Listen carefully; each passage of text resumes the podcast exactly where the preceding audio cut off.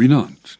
Daar's 'n woord wat ons maklik gebruik as ons nie iets verstaan of wat ons sien of met ons redelike denke kan verklaar nie. En tog is dit 'n woord wat telke male gemaklik in die woord van God opduik. En dit is onmoontlik. Hoeveel keer moes dit nie tydens Jesus se optrede in die 3 jaar van sy bediening hier op aarde opgeklink het nie? Het julle gehoor dat hy 'n blindgebore man genees het? Ja, hy kan nou sien net soos ek en jy. Onmoontlik sê jy. Het jy gehoor dat hy 'n groep van 10 melaatses op een slag genees het? Onmoontlik.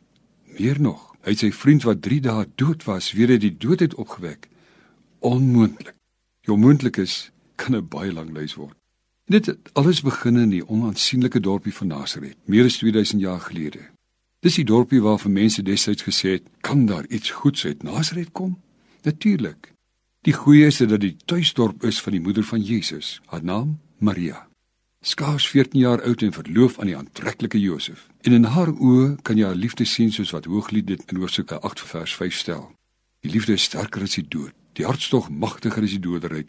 Dit brand en vlam soos vuur. Strome water kan hierdie liefde nie uitblus nie. En soos enige jong voornemende bruid, droom sy oor haar groot dag. Tot op daardie nag, toe sy die onmoontlike leer ken het.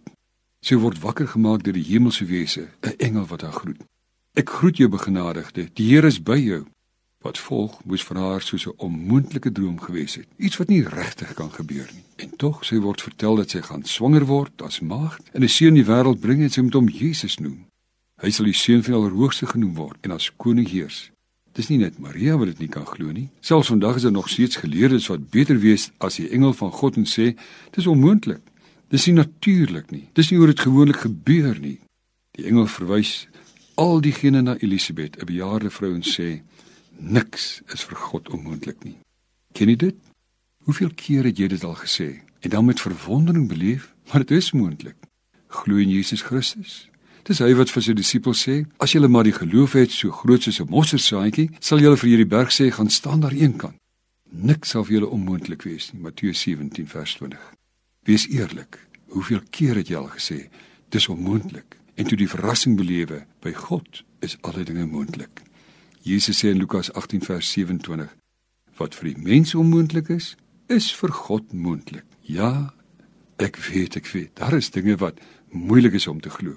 Maar wie dit vir die God wat hom openbaar in die skrif en mens geword het en gesterf en opgestaan het, Jesus Christus, is alle dinge moontlik, ook in jou lewe. Bid saam met my. Here Jesus, open my hart, my verstand, my oë, hierdie onwilligheid in my dat ek die onmoontlike kan sien wat u moontlik wil maak. In u naam alleen. Amen.